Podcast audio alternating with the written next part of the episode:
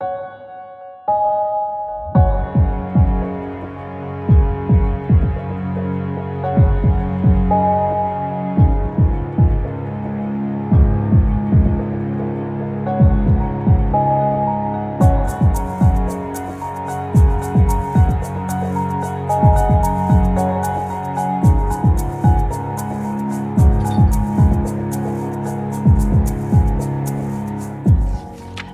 Hallo allemaal en welkom bij een nieuwe aflevering van Radio Savannah, de podcast van boekwinkel Savannah D. Ik ben Suzanne.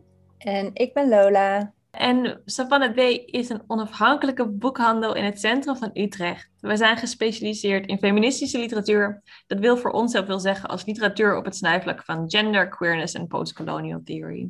En we maken een podcast. Yes.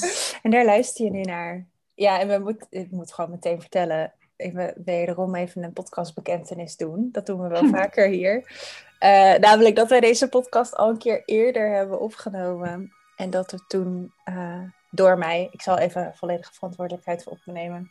Uh, technische issues is onze opname verloren gegaan. Dus als we een beetje anders klinken dan anders, misschien een beetje alsof we onszelf heel saai vinden, of juist heel slim, omdat we dit al een keer geoefend hebben, dan uh, komt dat omdat we dit dus letterlijk dit gesprek al een keer gevoerd hebben. Ja, misschien komen we de tweede keer wel tot allemaal nieuwe inzichten inderdaad. Ja, dat zou mooi zijn. Maar niemand die dan onze eerste inzichten heeft gehoord, behalve wij. zijn we de enige die kunnen waarderen hoe slim we nu zijn. Ja, ja. we hebben onze eerste officiële verloren aflevering. Ja, nou, dat is ook wel een mijlpaal. Ja, heeft een jaar geduurd. Die verloren aflevering die ging, was natuurlijk niet dat wij met z'n tweeën alleen maar slap aan het ouwe hoeren waren. Maar die ging over een boek waar we het nu dus weer over gaan hebben. Namelijk Concrete Rose van Angie Thomas. En uh, daar gaan we het over hebben vandaag. Daar duiken we in. Ja, wel leuk nu om weer een keertje met z'n tweeën gewoon samen te zitten en over een boek te praten. Dat is eigenlijk we zijn nu bijna een jaar bezig met deze podcast. En dat is eigenlijk wat we van tevoren verzonnen hadden dat we zouden doen. Gewoon jij en ik en een boek, kletsen maar. En uh, tussendoor hebben we allemaal nieuwe ideeën gehad over afleveringen, boeken van de maand en specials en gasten. En allemaal leuke projecten. Maar het is ook wel leuk om gewoon weer even samen een boek door te spreken. Ja, het voelt een beetje nostalgisch of zo. Ja, alsof we met een vroegere versie van onszelf ja. hier zitten. Inderdaad. Nou, en dat, wat dat betreft sluit ook wel mooi aan bij dit boek. Want het is een beetje nostalgisch. Want we hebben het over een boek dat zich afspeelt in een universum, zeg maar, uh, dat we al eerder bezocht hebben. Dat klinkt heel cryptisch. Ik bedoel te zeggen, Concrete Rose is uh, het boek van Angie Thomas dat eigenlijk een soort prequel is op een eerder beroemd boek van Angie Thomas, namelijk The Hate You Give. Dus we keren eigenlijk weer terug naar de wereld van Star en haar familie en uh, de wereld die we via het boek en de verfilming daarvan hebben leren kennen. Ja, speaking of nostalgie, dit verhaal speelt zich af in de jaren, eind jaren negentig. Mm. Natuurlijk ook een bepaalde mate van, uh, ja, we zitten niet meer in de jaren negentig. Nee, maar wel leuk inderdaad over uh, Discmans en over bepaalde televisieprogramma's en films die toen uitkwamen. Ja, ja. Voor wie Angie Thomas helemaal gemist heeft afgelopen jaren, die nog nooit van de Hate You Give heeft gehoord. Zij is een Amerikaanse schrijfster die in 2000 17 gedebuteerd is met The Hate You Give, een uh, young adult roman over racistische politiegeweld. En uh, The Hate You Give was echt een ontzettend groot succes, zowel qua recensies als qua financiën. Het heeft heel lang op de New York Times bestsellerlijst gestaan en is, wordt door veel mensen ook wel gezien als een soort klassiek toegankelijk boek wat je aan mensen kunt aanraden of wat je zelf kunt oppakken als je wilt nadenken over politiegeweld tegen zwarte mensen in Amerika. Mm en dus dat boek heeft een grote impact gehad en is bijvoorbeeld vorig jaar in juni, toen de mei, juni, toen de Black Lives Matter protesten in Amerika en wereldwijd plaatsvonden, ook weer heel veel opgepakt door mensen en heel veel weer besproken en gelezen en opnieuw gelezen. En het is zowel in het Nederlands als in het Engels heet het The Hate You Give en is het uh, beschikbaar. Ja, we zullen het zo nog even hebben over waar het over gaat en hoe het zich verhoudt tot Concrete Rose, het boek wat we uh, nu hebben gelezen. Van The Hate You Give verscheen in 2018 de filmversie. En in 2019 verscheen het tweede boek van Angie Thomas, On the Come Up, wat in het Nederlands niet te stoppen heet. En met dit werk, met deze boeken, uh, heeft Angie Thomas zich ook wel echt soort van gevestigd als een van de grote namen in de hedendaagse young adult literatuur. Ja, zeker. Kijk even, kijk even de, de professor aan. Eh, ja, zeker. Nee, Angie Thomas, sinds The Hate You Give, is inderdaad een naam waar je niet omheen kan, die zowel door um, jonge lezers veel gelezen wordt, als door volwassenen ook veel gelezen wordt. En ook heel erg een boek wat uh, echt een lieveling is, ook van bibliothecarissen en docenten en onderwijzers over de hele wereld. Omdat het inderdaad uh, een ontzettend um, toegankelijk boek is en tegelijkertijd heel veel verschillende thema's aan de kaak stelt op een heel kunstige manier. Dus uh, alom gevierd. En Angie Thomas inderdaad is eigenlijk met de, de twee boeken die er waren en nu het derde boek wat ze heeft geschreven, eigenlijk een beetje ehm, binnen diezelfde wereld gebleven. Dus we blijven binnen de wereld van Star, die we in het eerste boek leren kennen. We blijven praten over uh, de ervaring van uh, zwarte Amerikanen in Amerika. We blijven praten over geweld, we blijven praten over identiteit, over soort coming-of-age verhalen. Uh, maar telkens weer met een heel andere stem, een heel andere gids binnen die wereld eigenlijk. Star is echt een heel andere stem dan Brie, is een heel andere stem dan Maverick, die we nu in de derde boek tegenkomen. Misschien is het goed om voordat we erin duiken even een beetje wat te vertellen over dat universum. Mhm. We leerden deze wereld uh, voor het eerst kennen in het boek The Hate You Give, waarin we dus Star als soort gids hebben. Star is een um, zwart Amerikaans meisje dat opgroeit in een wijk die heet Garden Heights. Het is een voornamelijk um, zwarte gemeenschap waar ze in opgroeit. Uh, en die gemeenschap is voor haar zowel een bron van uh, genegenheid en community en trots en creativiteit en geborgenheid. En tegelijkertijd is het een plek uh, waar ook veel geweld plaatsvindt. Dat is um, zeg maar ganggerelateerd geweld, maar ook politiegeweld of in ieder geval de dreiging daarvan. Uh, dus het is een, er is een heel specifieke dynamiek die gaande is waar, waar Star zich binnen bevindt. Nou is die dynamiek voor Star in het bijzonder extra complex, omdat zij gaat niet naar de um, plaatselijke middelbare school, maar zij gaat naar een, een, middelbare school die iets verder gelegen is in het witte gedeelte van de stad waar ze woont, uh, waar dus ook met name witte tieners en witte docenten rondlopen.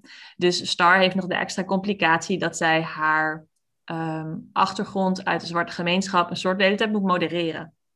Dus ze moet zo, wanneer ze op haar witte school is, met haar witte vrienden is, met haar witte docenten is, moet ze haar zwartheid, zeg maar, uh, telkens net zo afstellen dat het acceptabel is voor de context waarin ze zich dan bevindt. Dat ze, het niet iets is wat ze verlogend en achter zich laat, maar ook niet is wat te uitgesproken is, zodat uh, de witte gemeenschap, waar ze ook een plek in moet zien te vinden, haar niet zou accepteren. Dus voor haar is dat een soort balans, balanceringsact. En um, die balanceringsact gaat daar vrij goed af. Totdat op een gegeven moment een goede vriend van haar, Khalil, na een feestje um, wordt neergeschoten door een witte politieagent. En dan wordt Star dus eigenlijk een beetje ja, voor het blok gezet of op scherp gezet. Ze moet nu een keuze gaan maken. Gaat ze zich hier tegen uitspreken? Op wat voor manier gaat ze zich hier tegen uitspreken? Um, en het gaat dus om loyaliteit, het gaat om een stem vinden, het gaat om het ontdekken van je identiteit. Um, en dat is waar The Hate You Give uh, over gaat. Ja. ja, en in het boek leer je uh, ook Stars gezinssituatie kennen. Dus zij uh, woont met haar oudere broer. Ze heeft twee, een oudere broer en een jonger broertje. En dan met haar vader en moeder. Uh, en haar vader, Maverick, is de eigenaar van een supermarkt, lokale supermarkt. En de relatie tussen hem en Star wordt in The Hate You Give ook heel erg uitgediept. Dat ze zijn heel erg belangrijk voor elkaar. En hij, uh, ja, die vaderrol is, is heel groot in, in Stars leven. En in Concrete Rose, het nieuwe boek van Angie Thomas, de prequel, uh, wordt het verhaal van Maverick verteld. Dus we kennen hem al, tenminste degene onder ons die The Hate You Give hebben gelezen, kennen hem al als een, ja, een warme vader met een, ook wel een geschiedenis, uh, waar, we, waar we vanuit Stars perspectief wat van meekrijgen in The Hate You Give. En nu uh, in Concrete Rose ontmoeten we hem als 17-jarige en kijken we eigenlijk hoe hij zich ontwikkelt tot een volwassen man. Ja. ja, en het is een heel interessante omkering eigenlijk, omdat in The Hate You Give is Star niet, niet per se wankel, maar ze is op zoek naar een evenwicht, zeg maar. En een van de rotsen in haar leven eigenlijk is haar vader. Haar vader is, heeft heel veel meegemaakt, maar heeft daar heel veel van geleerd. En weet heel duidelijk ook waar zijn trots vandaan komt, waar zijn identiteit op gebaseerd is, wat zijn familie voor hem betekent. En hij is heel betrokken bij Star en bij zijn andere twee kinderen in de opvoeding daarvan en in het bijbrengen van een, een bepaalde trots en een bepaalde identiteit en een bepaalde loyaliteit en gemeenschapszin. Dus hij maakt bijvoorbeeld veel gebruik van de, uh, de manifesto's van de Black Panthers om zijn kinderen een soort zwarte trots bij te brengen en uh, aan te leren, of in ieder geval te onderwijzen in hun rechten, in hun uh, tradities, et cetera. En het is heel interessant om nou in dit nieuwe boek Maverick als tiener tegen te komen, die zelf heel erg nog op zoek is naar al die antwoorden en dan nog niet uit is. En het is dan ook wel fijn dat je weet dat het goed komt met hem. en dat hij zijn plek gaat vinden. En dat hij een mooie vader gaat zijn. En dat hij um, daar allemaal gelukkig gaat vinden. Maar het is een gek um, om hem nu opeens zo tegen te komen als zo'n soort... Ja, meer kwetsbaar persoon ook. Hey Lola. heb, heb jij toen je... Uh, want we hebben allebei de Hate You Give gelezen al voordat we Concrete Rose lazen. Voordat we wisten dat eraan zat te komen. Um, toen jij uh, The Hate You Give las, had jij toen een bepaalde... Uh, had je toen bepaalde vragen nog over de vader? Je, dacht je toen al van ook zou graag meer over hem willen weten? Of je zit meer in? Of vond je het eigenlijk wel prima dat hij een meer secundair figuur was in dat boek? Um, ik denk dat ik het in eerste instantie wel prima vond. Maar wat denk ik niet wil zeggen dat dit boek er niet mag zijn. En dat het niet iets toevoegt. Um, wat wel eens kan gebeuren met prequels, dat het dan lijkt alsof een schrijver um, nog een keer hetzelfde verhaal vertelt, maar dan net een klein beetje anders of zo. Of om voor de buitenwereld lijken het dan, althans voor mij als lezer soms, dat iemand gewoon puur geld wilde verdienen door een boek te schrijven. Which is fine, dat is je goed recht als auteur. Um, maar ik proefde bij dit boek heel erg, dit verhaal moest nog verteld worden. Dit, dit personage was nog niet klaar. En dat had ik zelf niet zo bedacht, omdat je ook heel erg vanuit Star kijkt en de, de boog die zij met haar vader doormaakt in The Hate You Give, die vond ik rond en af. Maar terwijl ik dit aan het lezen was, bekroop mij dus wel heel erg het gevoel van, oh ja, dit is echt een ander verhaal, wat echt ook weer meer lagen aanboord, of andere lagen aanboord dan The Hate You Give kon doen. En wat in die zin dus ook, ja, heel erg mooi inhaakt op wat The Hate You Give doet. Mm, yeah. Had jij dat? Dat je dacht, over hem wil ik meer lezen? In de eerste instantie had ik het ook niet inderdaad, omdat ik zo geïnvesteerd was in het verhaal van Star. Mm -hmm. uh, maar toen ik hoorde dat het verhaal eraan zat te komen, toen dacht ik wel gelijk, en dat is misschien ook een beetje een fangirl reactie, van oh, misschien leren we dan wel X, Y en Z. Ja. dus bijvoorbeeld, dus een Star gaat heel erg... Star is een, een kind, in de zin dat ze niet altijd vragen stelt bij wat haar ouders te vertellen.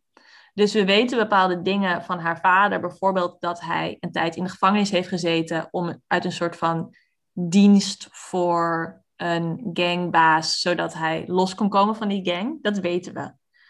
Maar je weet helemaal niet uh, hoe dat uh, bendeverleden zich af heeft gespeeld. Of waar die wederdienst vandaan kwam, of waar die voor nodig was. Of er, ja, er is een soort van kink in het gezin, omdat Star en haar oudere broers zijn eigenlijk bijna dezelfde leeftijd. En dat komt omdat ze twee verschillende moeders hebben. En er is een vrij uh, ongebruikelijke relatie tot de moeder van haar broer, haar, haar broer bijvoorbeeld. Waar de, de broer wel ook gewoon zowel vader als moeder, biologische vader als biologische moeder ziet en, en bezoekt. Maar er eigenlijk een gekke soort vijandige houding is naar die biologische moeder toe. En je, je voelt wel dat daar heel veel is gebeurd. Uh, dus toen ik wist dat dit boek eraan zat te komen, toen dacht ik wel, ah, antwoorden. Ja, absoluut. Ja, ja. ja. Ja, klopt. En tegelijkertijd vind ik het ook interessant inderdaad, wat net al een beetje zei. In de Hate You Give is er zo'n duidelijk onderscheid tussen de, de balancerende star en de, zeg maar, de vaste rots van een vader. En het is wel heel interessant om die nu ook een beetje ja, te zien hoe hij daar gekomen is. Dus potentieel misschien ook hoe Star op zo'n plek kan, kan geraken. Ja, en ook misschien dat hij zich als ouder een bepaalde houding aanwendt waar nog meer meer onder zit. Wat, je al, wat Star als kind niet kan zien. Ja. En dit geeft dan wel, het geeft je denk ik iets meer handvatten om tussen de regels van Stars verhaal door te lezen. Ja. Ja, en dus misschien ook omdat wij als volwassenen nu YA-boeken lezen. En ik heb dat wel vaker als ik YA-boeken lees, dat ik waarschijnlijk buitenproportioneel geïnteresseerd ben in de volwassenen in die boeken. Terwijl misschien het, publiek waarvoor het bedoeld is, daar minder geïnteresseerd in is. Maar dat ik wel merk dat ik kijk inderdaad naar de moeders en naar de tantes en naar de vaders. Ja. Dus zeer gewenst, dit boek. Ja, en wel een boek ook wat al het goede van The Hate You Gave weer meeneemt. Dus de, uh, de complexiteit, maar ook de snelheid van het verhaal, de emoties. De, uh, je bekijkt echt de wereld vanuit één oogpunt. In dit geval dan van Maverick. Um, wat gewoon heel goed werkt. Ja. Ook in The Hate You Give, maar ook in dit boek. Ja. En wat Angie Thomas heel goed doet, en waarom dit boek denk ik ook zoveel gelezen is en ook uh, zeg maar voorgelegd wordt aan, aan jonge en volwassen mensen, is dat wat Angie Thomas heel goed zware, quote-unquote, zware thema's kan behandelen uh, zonder te zwelgen in een soort ja, pervers plezier in zware thema's of zo. Ik weet niet hoe ik moet zeggen. Het is helemaal niet uh, sensationeel. Het is heel menselijk, het is heel humaan, ook omdat het zo vanuit één perspectief geschreven wordt. En ook ze, ze biedt heel veel momenten van, niet pauze, maar even zeg maar, de drukker afhalen. Dus telkens als je denkt, nu is het wel heel veel verdrietigs geweest, dan is er altijd, juist op dat moment, een scène waarin de familie gezellig samen aan het eten is, of er een grapjes worden gemaakt, of er is even een feestje. Dus de, de cadens van het boek is heel, is heel goed. Ja, en wat zij doet, dat zei jij vorige keer, dus ik ga je nu vragen om dat te herhalen.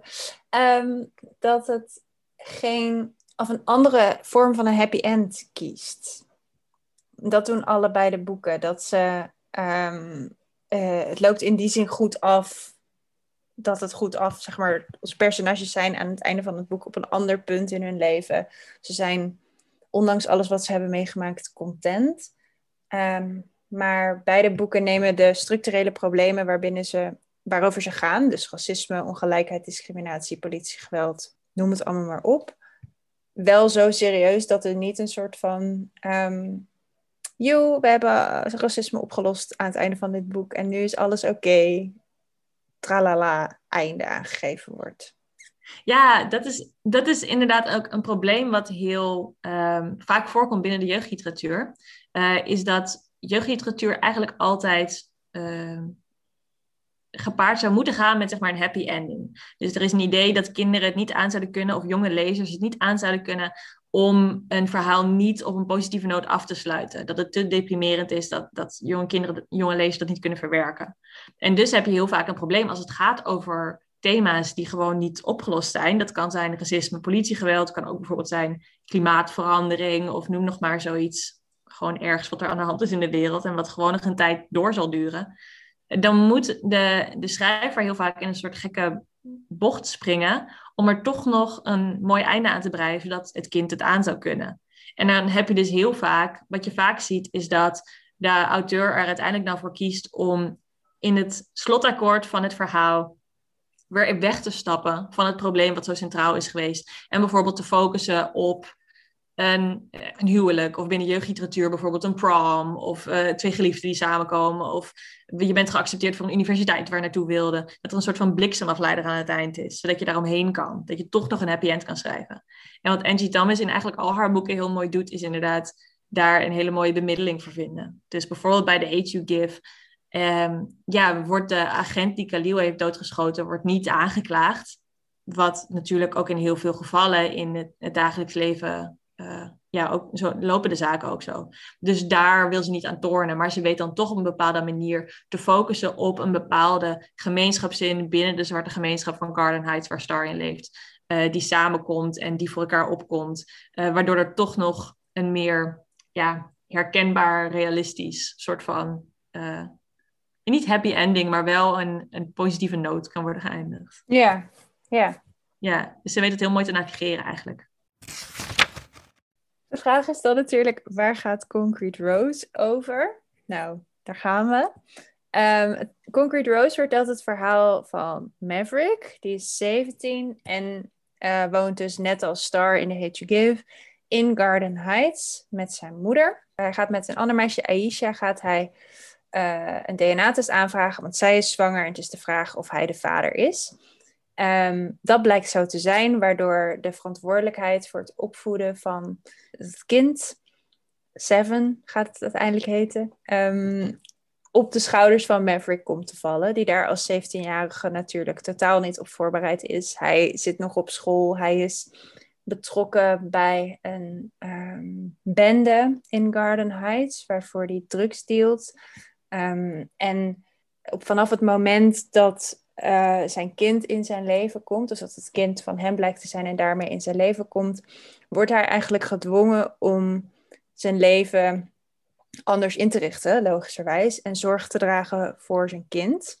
Dus je volgt Maverick terwijl hij navigeert hoe hij überhaupt voor een baby kan zorgen, hoe hij dat kan combineren met uh, werk, wat niet voor hij, uh, of, en of dat dan wel of niet voor, een, voor de gang moet zijn.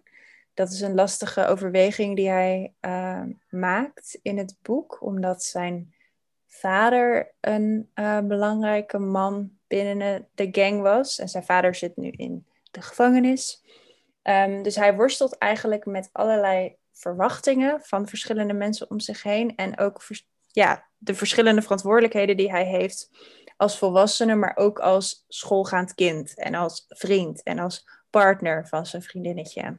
Ja, ja. dat. Ja, en dat is denk ik gelijk al een mooie ehm, nuancering of een uh, soort van gedurfde stap die Angie Thomas maakt in het boek. Ze, gaat dus, uh, ze vertelt het verhaal van een, van een adolescent eigenlijk. Um, en er wordt heel vaak nagedacht over adolescentie als het moment dat je van je kindertijd naar je volwassenschap gaat. En dat je dus ook bijvoorbeeld steeds meer verantwoordelijkheden uh, krijgt te dragen. En wat interessant is aan dit boek is dat um, Maverick, voordat hij ooit vader werd en dus zeg maar de volwassenheid in, in wordt gedreven. um, wat zij mooi laat zien is dat zijn leven dan ook wel heel veel verantwoordelijkheden heeft. En die bestaan niet altijd uit, ik moet mijn gasrekening betalen en ik moet voor mijn kind zorgen, zoals het daar later. Maar met name uit een soort sociale structuur waar hij deel van uitmaakt. Dus binnen de gemeenschap waar hij in woont is loyaliteit en trouw en vriendschap en gemeenschapszin heel belangrijk. En um, je ziet dat bijvoorbeeld hij bepaalde loyaliteiten heeft naar zijn vrienden, andere loyaliteiten naar zijn gang, andere loyaliteiten naar zijn moeder, andere loyaliteiten naar zijn vriendinnetje, um, andere loyaliteiten naar zijn En daar zit hij al, um, daar, daar speelt dus eigenlijk voor hem al, al heel veel. Maar dus eigenlijk voordat het boek begint, kun je al bijna vraagtekens zetten van bij het idee van, oh, hij is een kind. Wat, wat onbezonnen door de wereld dartelt. Ja. Dat is gewoon niet zijn situatie. En dat is een heel mooie nuancering die, die Angie Thomas gelijk vanaf het begin van het boek al, al heel inzichtelijk maakt en heel doorleefd kan, kan vertellen. En het wordt natuurlijk nog verder op scherp gesteld als uh, Maverick uiteindelijk vader blijkt te zijn en ook heel snel met de volledige zorg eigenlijk voor het kind uh, komt te zitten, klinkt wel heel negatief. Maar dat hij de, heel, al heel snel de volledige zorg voor het kind gaat dragen. Met hulp van zijn moeder, wel duidelijk, en zijn buurvrouw. Um, dat er daar natuurlijk nog een extra uh, verantwoordelijkheid bij komt. En je ziet ook dat al zijn andere sociale relaties daardoor eigenlijk weer even heroverwogen moeten worden of hersteld moeten worden. Dus zijn relatie tot zijn vrienden bijvoorbeeld wordt heel anders. Nu die eigenlijk ja, 24 uur per dag verantwoordelijk is ook voor een baby. Uh, voor wie de primaire caregiver is. Ja, en naar de, naar de gang wordt het ingewikkeld, want hij wil er eigenlijk uit, uh, maar moet tegelijkertijd de rekeningen kunnen betalen. Ja. En, en dat is een, een lastige afweging. Ja, en wat dan interessant is, is dat uh, binnen, een stukje theorie mensen, maar binnen, binnen de jeugdliteratuurstudie is er dus het concept van de adolescentenroman, dat is de YA novel in de Engelse context. Um, en dan is een van de belangrijkste theorieën, die gaat uit van uh, het idee dat adolescentie uh, zowel cognitief als sociaal-cultureel een soort overgangsfase is. Van kind zijn naar volwassen zijn. En dan zijn er allemaal modellen over hoe die, die overgang verloopt ongeveer. Van met zoveel jaar heb je ongeveer deze cognitieve vaardigheden, een paar jaar verder heb je deze cognitieve vaardigheden. Daarna is er liefde en huwelijk in het spel en werk en et cetera, en huiskoop uiteindelijk. In ieder geval, er is een soort van stappenplan voor. Uh, en uh, een belangrijk onderdeel van dat stappenplan is het incorporeren van nieuwe structuren, met name machtsstructuren. Dus dat is bijvoorbeeld de structuur van um, school, de structuur van een werk, de structuur van een huwelijk, de structuur van een familie. Um, en wat Angie Thomas heel mooi laat zien, is ze schopt eigenlijk al die theorieën een beetje overhoop in dit boek. Of ze laat zien hoe betrekkelijk die zijn. Dus ze laat heel duidelijk zien dat die overgang niet voor iedereen hetzelfde is. Het maakt heel erg uit waar je opgroeit, uh, wat voor relaties uh, je zowel thuis als buiten huis aangaat en aan moet gaan. Uh, of je bijvoorbeeld vader bent of niet. of je man bent of je vrouw bent. Uh, of je echtgenoot in de gevangenis zit. Um, die structuren die een rol bij spelen zijn niet alleen school en werk, maar ook bijvoorbeeld uh, rasgebaseerde structuren, ook genderstructuren, ook heteronormatieve structuren. Dus ze laat heel mooi zien hoe complex adolescentie eigenlijk is en hoe, hoe verschillend het is voor iedereen. En dat doet ze in het boek heel mooi, omdat ze heel duidelijk inzoomt op echt één persoon met één verhaal en één heel duidelijke stem. Ja, ja en het is heel um, mooi om te lezen ook, want je, als je Mavericks reactie leest op bepaalde dingen, als hij bijvoorbeeld ergens moet zijn op tijd, dat hij, heeft hij in eerst in sommige gevallen een hele puberale reactie. Van ja, ik was maar een kwartier te laat, ik had ook een uur te laat kunnen zijn. Als hij op, op zijn eerste dag op zijn nieuwe werk komt. Waar vervolgens de volwassene, de eigenaar van de supermarkt, Mr. Wyatt, zegt: Ja, maar je bent wel echt te laat. Dus dat is absoluut niet de bedoeling. Ga verantwoordelijkheid dragen. En dan is hij heel erg een, een tiener. Zeg maar, wat, je, wat je je voorstelt bij een tiener, jongen. En uh, tegelijkertijd is hij dan daar in die supermarkt om te gaan werken om voor zijn kind te zorgen, omdat hij vrijwel de volledige verantwoordelijkheid voor het welzijn van zijn kind draagt. Wat volledig haak staat op het idee van wat we vaak hebben van tienerjongens die maar een beetje yeah. aanrommelen of zo. En wat het boek dus laat zien is dat die twee naast elkaar kunnen bestaan. Ja, en als lezer schipper je ook een beetje heen en weer eigenlijk. Tussen aan de ene kant denken, Hé, jongen, doe even, je moet gewoon rustig, zorg voor dat kind, dat is je verantwoordelijkheid. Je moet aardig zijn voor je moeder, betaal je rekeningen, doe niet zo moeilijk. Aan de ene kant, als een volwassene gelezen, en aan de andere kant lees ik hem soms als kind, waarvan ik denk, oh god, die jongen, ga lekker even naar dat feestje, je moet even stomen opblazen, ga lekker je vriendinnetje uitvragen. Dus als lezer schip je ook een beetje tussen die twee soort van uh, manieren waarop je hem leest wat spannend is aan dit boek, is dat je aan de ene kant een personage hebt wat heel erg zoekende is. Um, naar zijn rol in zijn gemeenschap, naar wie die is, naar wie die wil zijn. Um, maar ook een, per, een, personage leest met een hele heldere stem. Mm. Uh, en een hele duidelijke stem die eigenlijk gedurende het verhaal hetzelfde is. Dus Maverick heeft een hele specifieke manier van praten. En het wordt vrij snel duidelijk dat hij eigenlijk op iedereen, of tegen iedereen ook, zowel tegen de lezer als tegen de personages in het verhaal, ja, hetzelfde, dezelfde woordkeuzes. Natuurlijk, als ik tegen een volwassene praat, is hij wel beleefd, maar um, hij, daar zit geen soort van laag van pretentie of zo in. Of een, of een soort van dat hij daar ook nog twijfels over heeft. Um, er zit een heel lief stukje in dat hij op een gegeven moment tegen zijn uh, zoontje aan het praten is. En dat hij dan ook zegt, ja, ik doe echt niet aan zo'n soort van babytaaltje of zo. Ik praat gewoon tegen mijn zoon zoals ik ook tegen mijn vrienden zou praten. En uh, anders hou ik het niet vol of zo. Dus hij, hij, hij lijkt echt maar te zeggen van, dit is wie ik ben, dit is hoe ik... Of nee, niet dit is wie ik ben, maar wel dit is hoe ik praat. Dit is hoe ik me uit.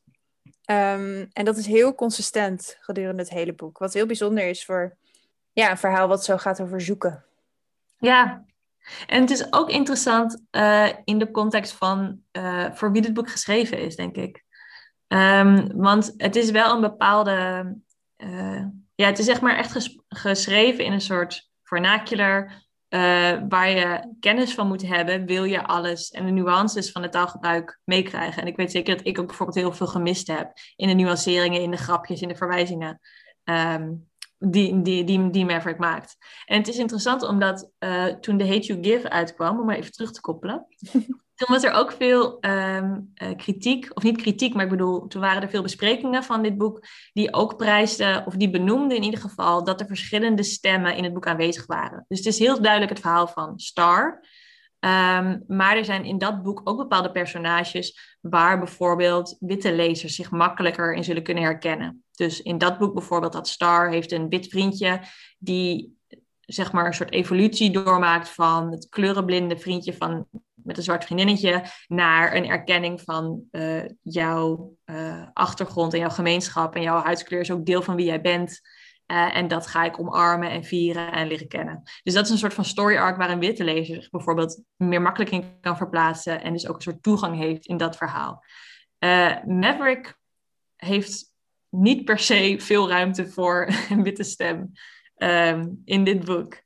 En het is wel daardoor ook wel echt een ballsy move van Angie Thomas om zo'n boek te schrijven wat zo duidelijk in een uh, bepaalde taal is geschreven en daarbij ook een bepaald publiek uh, veronderstelt en aanspreekt. En dus niet die, zeg maar in ieder geval niet expliciet ruimte in te bieden voor bijvoorbeeld een witte lezer of een lezer uh, die niet geoefend is in, in, in een bepaald, ja, bepaald taalgebruik. Ja, en wij dachten nou, wat is nou leuker dan dat wij even een stukje laten horen van dat taalgebruik. Dus wij vonden op YouTube een deel van het Engelstalige audioboek van Concrete Rose. Ehm, dus om je een klein beetje te laten proeven aan de stem van Maverick, ehm, laten we hier een klein fragmentje horen. En dit, uh, deze versie van het audioboek is beschikbaar online te downloaden op uh, diverse luister-apps. Wordt gelezen door Dion Graham. When it comes to the streets, there's rules. They ain't written down and you won't find them in a book. It's natural stuff you know the moment your mama let you out the house. Kind of like how you know how to breathe without somebody telling you. If there was a book, though, there would be a whole section on street ball. And the most important rule would be at the top, in big, bold letters. Don't get your ass beat in front of a fine girl, especially if she your girl. But that's exactly what I'm doing, getting my ass beat in front of Lisa. It's okay, Maverick, she calls out from a picnic table. You've got this. Straight up, I ain't got nothing. Me and King got zero points to Dre and Sean's 11. One more point, and they win. Big as King is, you think he blocked Sean's lanky ass or something. Sean getting him like he don't exist. Posting him up, shooting jumpers in his face, all that. Got the homies going wild on the sidelines and got King looking like a fool. I can't be mad at King, not with what's going down today. My head not in the game much either. Ik denk het belangrijkste thema in dit boek, en ook het thema waar bijvoorbeeld recensenten veel op, op aanhaakten, um, we zullen wat recensies delen in de show notes ook van dit boek, is dat dit heel erg een boek is wat gaat over mannelijkheid. Specifiek hmm. ook over, over vaderschap, maar breed genomen over wat mannelijkheid is en wat zwarte mannelijkheid is. En hoe uh, Maverick in zijn opgroeimoment in dit boek, ja, die mannelijkheid voor zichzelf definieert en hoe hij tegen bepaalde uh, stereotype beelden van zwarte mannelijkheid opbotst en moet leren hoe die daar een eigen weg in kan vinden. Ja, en wat dat betreft is het, in, het interessant en ook, uh, hoe heet het, topical, een heel relevant onderwerp vandaag de dag. Omdat we het natuurlijk heel veel hebben gehad over mannelijkheid, ook in de context van uh, bepaalde politieke ontwikkelingen, waarbij mannelijkheid heel erg soort van gemilitariseerd bijna is, waarin toxic masculinity iets is waar politici op hebben leren inspelen en hebben leren mobiliseren, wat geleid heeft tot onder andere veel geweld, zowel verbaal als, als fysiek geweld, tegenover vrouwen, maar ook inderdaad tegenover mannen zelf. En dan met name mannen, natuurlijk die niet per se binnen die um, masculine zeg maar, stereotypen vallen, maar eigenlijk denk ik dat Angie Thomas heel mooi laat zien, ook mannen die daar voor een heel groot deel wel in vallen, die hier tegen oplopen. Ja, en je ziet dus dat Maverick zeker aan het begin eigenlijk best een steady beeld lijkt te hebben van wie hij is als, als man of hoe hij zou willen zijn als man. Maar doordat hij ook als vader een bepaalde rol in moet nemen, wordt dat op scherp gezet. En blijken ook bepaalde ideeën die hij had over mannelijkheid misschien te botsen met elkaar. Ja, en dat, wordt eigenlijk nog verder gecompliceerd, omdat Maverick heeft verschillende soort vaderfiguren in zijn leven die hem ja, onderwijzen over mannelijkheid of wat het betekent om man te zijn of verantwoordelijke man te zijn of een goede man te zijn. En uh, die vertellen hem niet altijd hetzelfde verhaal. Ja. Dus, uh, zijn vader zit dus eigenlijk al vrij lang, uh, sinds hij een kind is, zit die vader in de gevangenis. Sinds Maverick een kind is, zit zijn vader in de gevangenis. En wat hij van zijn vader meekrijgt, of wat hij daaruit meeneemt, uh, is het idee: mijn vader was een belangrijke ganglord en ik sta in zijn voetsporen. En ik, mijn eerste loyaliteit is daar naartoe. En dit is ook deels mijn, niet erfrecht, maar mijn bestemming, zeg maar, in het leven. Ja, met die uh, leg legacy waar hij iets mee moet. Ja, ja, mensen noemen hem ook Lil Don, zeg maar de kleine Don van zijn vader. Um, dus er is die figuur. Dan tegelijkertijd is er uh, zijn neef Andre. Uh, die ook een belangrijke rol in, in, het leven van Maverick speelt, ook als een soort vaderfiguur, die hem eigenlijk zegt dat gangleven, daar zit ik zelf wel in, maar ik zou er graag uit willen. Sinds ik vader ben geworden, wil ik me hier eigenlijk verre van houden. Voor mij is het te laat, ik zit er al te diep in, maar jij, Maverick, um, moet er alles aan doen om daaruit te komen. En ik ga je daarbij helpen. Dus Andre is heel expliciet, uh, werkt er heel hard aan om Maverick een ander soort mannelijkheid aan te leren. Die veel meer gebaseerd is op familie en op zorg en op ja, een heel ander soort loyaliteit en een ander soort verantwoordelijkheid eigenlijk. Dus dat zijn twee soort van niet tegengestelde, maar in ieder geval verschillende krachten in zijn leven. En dan komt er halverwege het boek nog een heel, mijn, ik denk mijn lievelingsvaderfiguur in terug. En dat is dus Mr. Wyatt, de eigenaar van de lokale supermarkt, waar Maverick een baantje krijgt. Dus ook deels door Andre, die wil dat hij buiten de drug scene gaat werken. Uh, en Mr. Wyatt is eigenlijk een beetje de voice of reason. en, en dat is, oh, dat is stil ik van jou, maar. En dat is soms heel fijn in een boek wat gaat over een 17-jarige jongen. Waarbij je soms ook gewoon een beetje moe bent van alle klachten die hij heeft en hoe moeilijk hij overal over doet. Is Mr. Wyatt gewoon soms even ook degene die zegt: Ja, nou is het goed je werkt van 9 tot 5, hier is een bel, ga maar bezig. Ik zie aan het einde van de dag weer. Ja, het maakt me niet uit wat voor schoenen je aan hebt, of hoe duur nee. die waren, of wat dan ook. Je nee. moet er gewoon zijn, je moet gewoon je werk doen, hoppatee. Ja. ja, dus dat is weer een heel ander soort van verantwoordelijkheid. En een ander soort ook van, uh, ja, mannelijkheid, die die ja. daar leert. Ja, en wat wel heel mooi is aan Mr. Wyatt, is dat hij ook uiteindelijk degene is die um, op de meest expliciete manier tegen Maverick zegt joh, dat idee wat jij hebt van mannelijkheid, laat dat los. Mm. Deels. Um, Maverick is in de rouw op een bepaald punt in het boek. En hij heeft het daar heel logischerwijs heel moeilijk mee, maar hij loopt ook als één grote brok gevoelens loopt hij rond en hij kan dat niet kwijt. Hij heeft het gevoel mm. dat hij, nou ja, zo'n zo'n echte mannen huilen niet gevoel mm-hmm. heeft hij. Mr. Wyatt is op een gegeven moment degene die tegen hem zegt: uh, Goh, jouw emoties mogen er zijn. En bij wie hij die emoties dan dus ook kan laten gaan, zeg maar. Mm. En er is dus een heel mooi fragment. En nu ga ik het dus even voorlezen. Dit is een gesprek tussen Mr. Wyatt en Maverick. En dat gaat zo.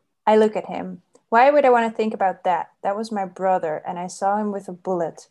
I shake my head. I can't think on that. Why? You a therapist or something? Why? He repeats. Because I gotta keep it pushing. I can't sit around crying about Dre. I gotta be a man. Mr. Wyatt don't say anything for a real long time. He sighs, Son, one of the biggest lies ever told is that black men don't feel emotions. I guess it's easier to not see us as human when you think we're heartless. Fact of the matter is, we feel things. we feel things. Hurt, pain, sadness, all of it.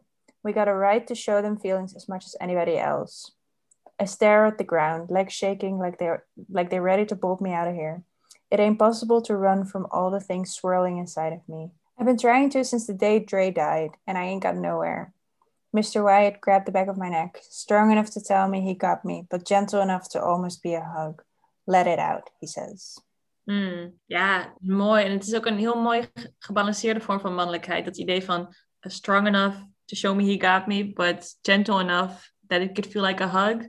Ja. Maar die, die combinatie van uh, twee verschillende ondersteunende ja, mannelijke krachten eigenlijk. Ja, en dit is ook wel, um, dit boek is niet uitleggerig over mannelijkheid of nee. uh, waar bepaalde vormen van mannelijkheid uh, vandaan komen en waar specifiek de ideeën die we hebben over zwarte mannelijkheid vandaan komen.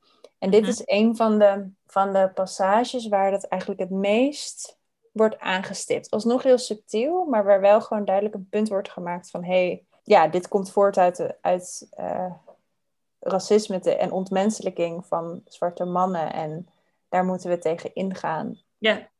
ja, en ik merkte zelf dus wel dat ik het heel fijn vond dat er dus een paar momenten zijn waarin dat zo expliciet wordt verwoord. Omdat het boek leest eigenlijk als een trein.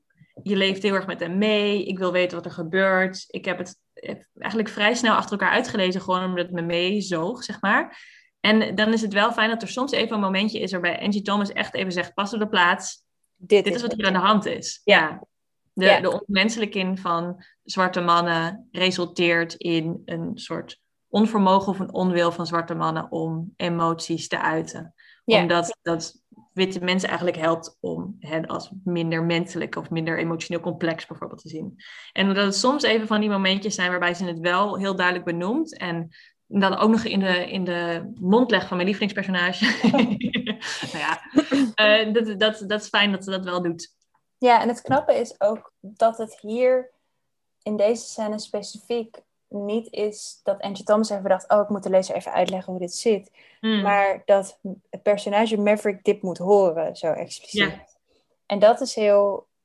Dat is best een moeilijke balans, lijkt mij als schrijver. Zeker als zo'n geëngageerde schrijver, die heel graag op een punt wil maken met haar werk. Hmm.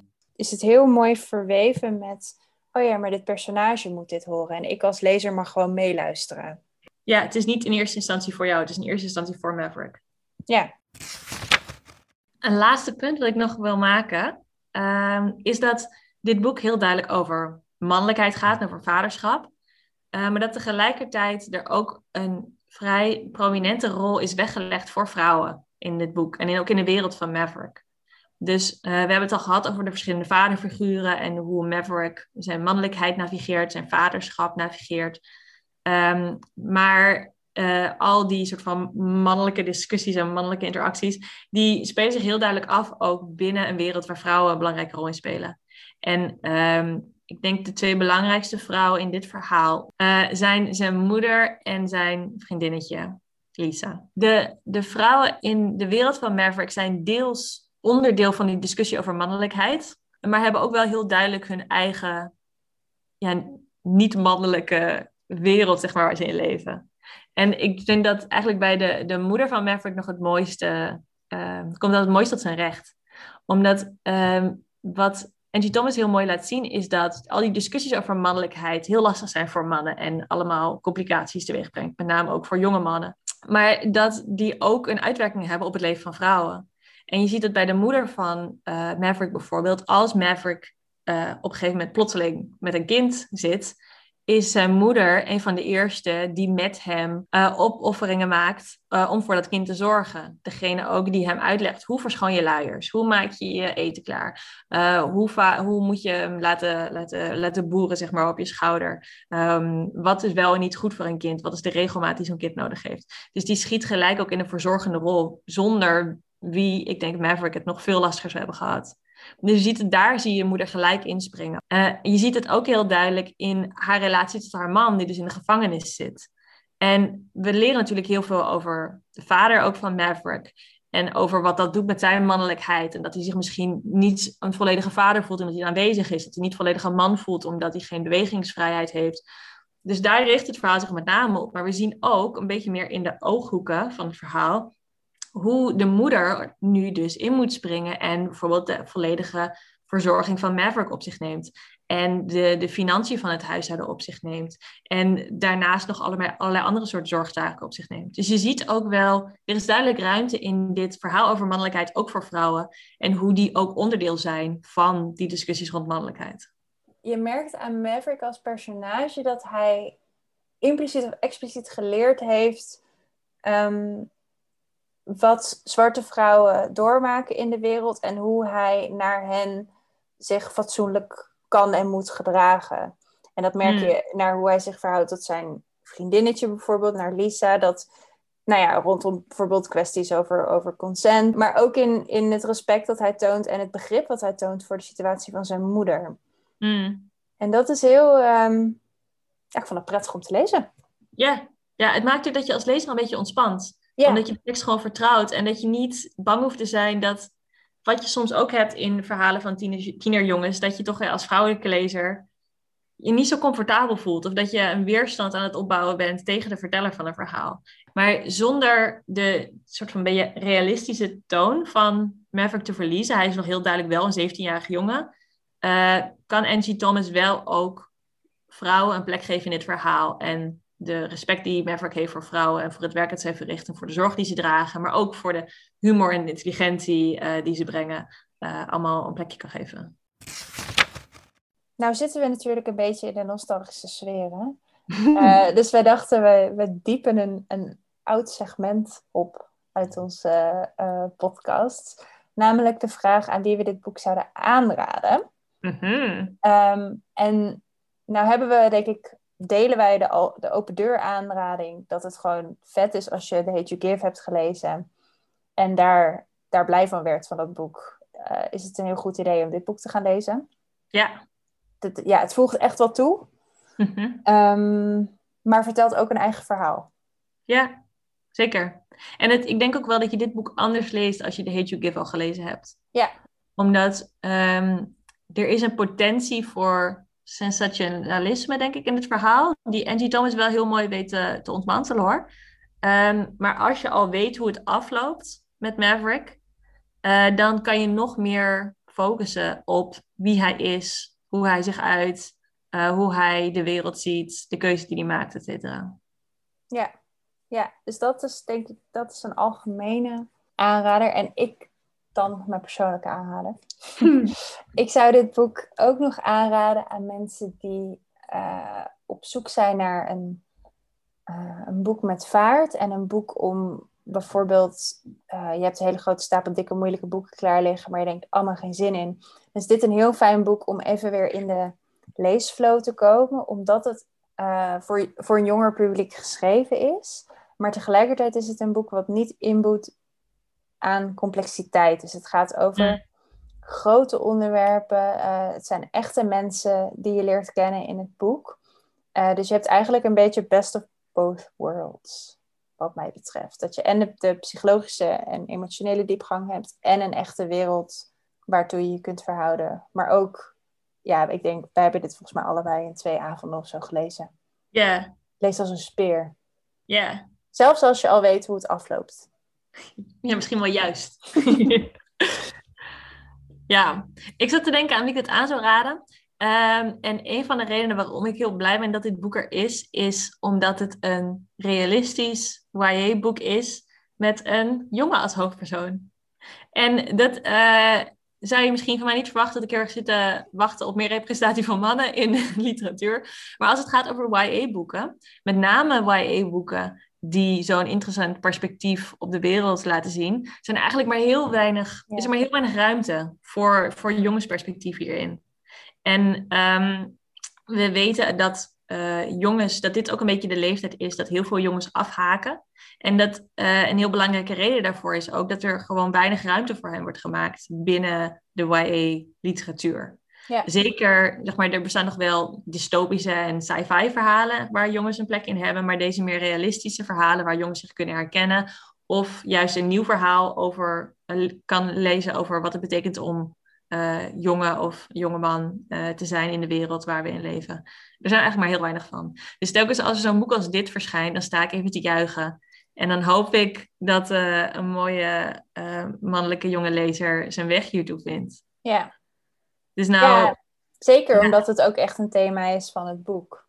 Ja, ja, zeker. Dus nou, nou denk ik niet per se dat, uh, dat uh, tienerjongens ons primaire publiek is van deze podcast. maar misschien heb je wel een zoon in die leeftijd, of een buurjongen, of een vriendje, uh, of iemand die misschien iets minder leest, of op zoek is naar mooie boeken waar hij zich een beetje in kan herkennen, of waar hij dingen van kan leren. Bijvoorbeeld over hoe je masculiniteit mooi kan navigeren. Uh, of over racisme, of over politiegeweld, of een van deze thema's.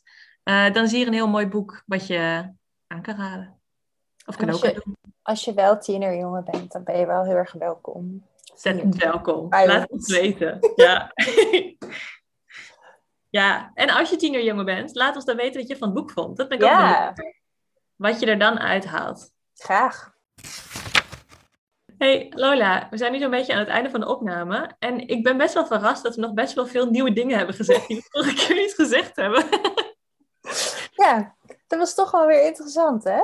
ja, inderdaad ja. Ik ben ook wel heel benieuwd. Ik kan me nou niet herinneren of we nou heel veel dingen niet herhaald hebben die we in de eerste keer wel gezegd hebben. Dat er allemaal Nee. gaten zijn. Volgens mij niet. Volgens mij hebben we alleen maar toegevoegd. En moet iedereen blij zijn dat ze deze aflevering horen en niet de aflevering die ik per ongeluk verwijderd heb. Mogen in je handjes klappen allemaal. Nou, doe ze vast op dit moment. Zie Ja. daar. Denk het ook. En ehm, met dit, deze complimenten aan onszelf zijn we aan het einde gekomen van deze aflevering van Radio Savannah. We hopen dat jullie het leuk vonden. Eh, wij duidelijk wel. Als je het leuk vond, dan eh, laat het ons dan weten. Je kunt ons sterren geven in de podcast-app die je gebruikt. Je kunt een recensie achterlaten. Eh, je kunt deze podcast delen op de socials. Als je ons dan tagt. Eh, we zijn te vinden op de socials van Savannah B. En als je dan de radio, hashtag Radio Savannah erbij zet, dan vinden we je. En dan doen we even een digitale shout-out terug. Dat zouden we heel leuk vinden. Ja, deel ons in real life of digitaal met de mensen om je heen. Zeker, met alle tienerjongens in je leven. Ja, en klets ook met ons over andere boeken die je aan het lezen bent. Of als je verzoeknummertjes hebt. Of als je denkt, ik eh, wil ook wel een keertje aanschuiven om wat te vertellen over een boek. Feel free. We horen het En- graag. We zijn tegenwoordig helemaal in de gasten. Ja. Dus schrijf lekker aan als je daar behoefte aan hebt of zin in hebt. ja, lieve mensen, we hebben een line-up voor de volgende afleveringen. Is Ja. echt, eh, hoe, hoe, hoe. Zeker, ja. Even kijken, over aanschuiven gesproken. We willen graag natuurlijk bedanken de mensen die het allemaal mede mogelijk maken. Onder andere Rieke Blom voor het maken van ons logo. En Gooflux, dat wij een gedeelte uit zijn nummer Joan mogen gebruiken als onze teamsong.